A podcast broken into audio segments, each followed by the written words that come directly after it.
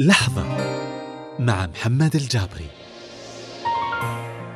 تعرفون أن العنف، التكبر، القسوة في الكلام، عدم تقدير مشاعر الناس، تعقيد الأمور، النقد المستمر للناس أو للعيشة واللي عايشينها محاولة.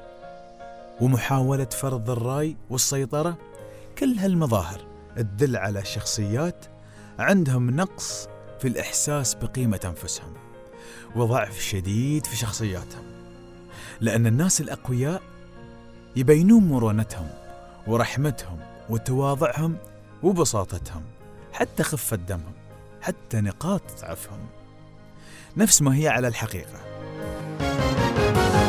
تذكر أن الإنسان القوي حياته أسهل والحياة معه أسهل.